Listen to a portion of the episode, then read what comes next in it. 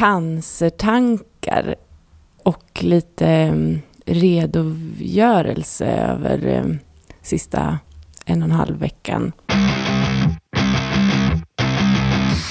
Operationsdagen började ju med mm, en eh, lite... Jag hade nog inte tänkt igenom själva situationen inför operationen. Att komma dit till eh, avdelningen dagoperation. Och eh, anhöriga fick inte vistas i den lokalen. Så det blev ett avsked och eh, tårar i den Jag kände mig ensam och var inte beredd på att det skulle sättas infartsnål och tas medicin. Och det, jag fick dricka kortison och fick en liten panik, panikångest, om man får kalla det lite slentrianmässigt. Men det innebar ju också att jag slapp det löste sig själv. Jag slapp eh, sitta i ett gemensamt väntrum och vänta på min operation. Utan jag fick en säng och ligga i eget rum och ladda upp ensam. Det var bra.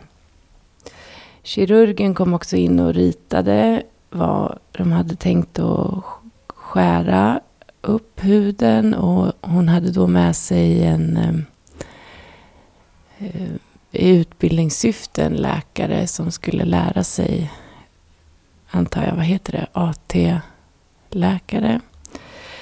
Då fick jag lite småpanik igen och var tydlig. Sa till henne att eh, jag vill inte att du ska lära den här personen just idag. Utan eh, det är du som ska göra det här. Och eh, eh vid eh, kirurgen då säger till mig att eh, jag förstår att det här är stort för dig men jag gör det här flera gånger om dagen.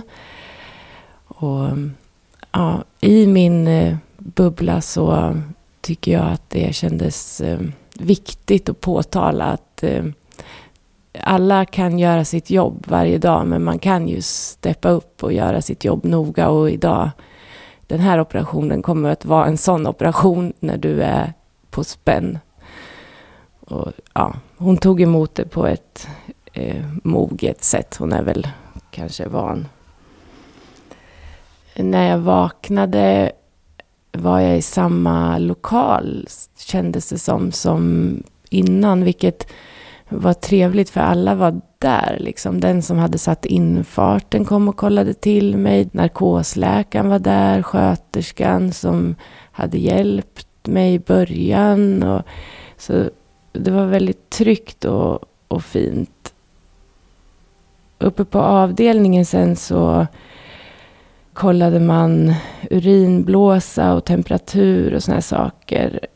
Jag hade också ett dränage som, där det rann blod och det var som en stor påse dinglade ner i den där vita rocken och ganska otrevligt men ja, det gick ju bra. Jag ska inte påstå att jag hade särskilt ont. Men eh, tydligen när man sövs så, så sövs ju också organen. Och det där vill man då väcka dem genom att man rör på sig. Och eh, när man säger till mig att det är bra att, rö- att jag ska gå upp ur sängen och, och gå runt så väcks en liten prestationsperson i mig. Så jag vandrade runt där och eh, pressade ut urin kan man säga. För ingen ska sätta någon kateter också på mig i den där situationen kände jag. Och ehm, det gick ju bra med en liten stund av eh, svimningskänsla och illamående så, så kunde jag till slut få igång min urinblåsa. Mm. Efter eh, hemkomst och så här långt över förväntan. Jag vet inte vad jag hade ställt in mig på men jag tyckte det kändes eh, bra. Jag eh, hade inte ont och när jag efter någon dag tog av mig den här stora kompressions-bhn som, som man hade sagt att eh, vi ska ha, jag skulle ha på mig en månad tror jag. Dygnet runt eh, ska den där vara på. Men när jag tog av den där efter några dagar och duscha så tittade på mig själv i spegeln så kände jag, ja titta det vart ju fint, inte så platt som eh, man hade sagt och som jag hade förberett mig på. Det jag inte riktigt visste då var att Eh, det här var nog sårvätska som gjorde att det inte såg så platt ut. Och det här blev egentligen bara mer och mer när jag fram till i torsdags eh, fick lov att tömma ut all den här sårvätskan som då var 3,6 deciliter och skvala verkligen när hon tömde med en nål i något rör. Jag kunde inte riktigt titta men ehm, det var ganska obehagligt. Men kändes ju väldigt skönt efteråt. Och nu är vi där igen. Det är liksom sprängfyllt från nyckelbenet och eh, under armhålan och hela. Det är som tre gånger större än min oopererade sida. Jag eh, ska på återbesök imorgon och jag hoppas bli av med den här vätskan då igen.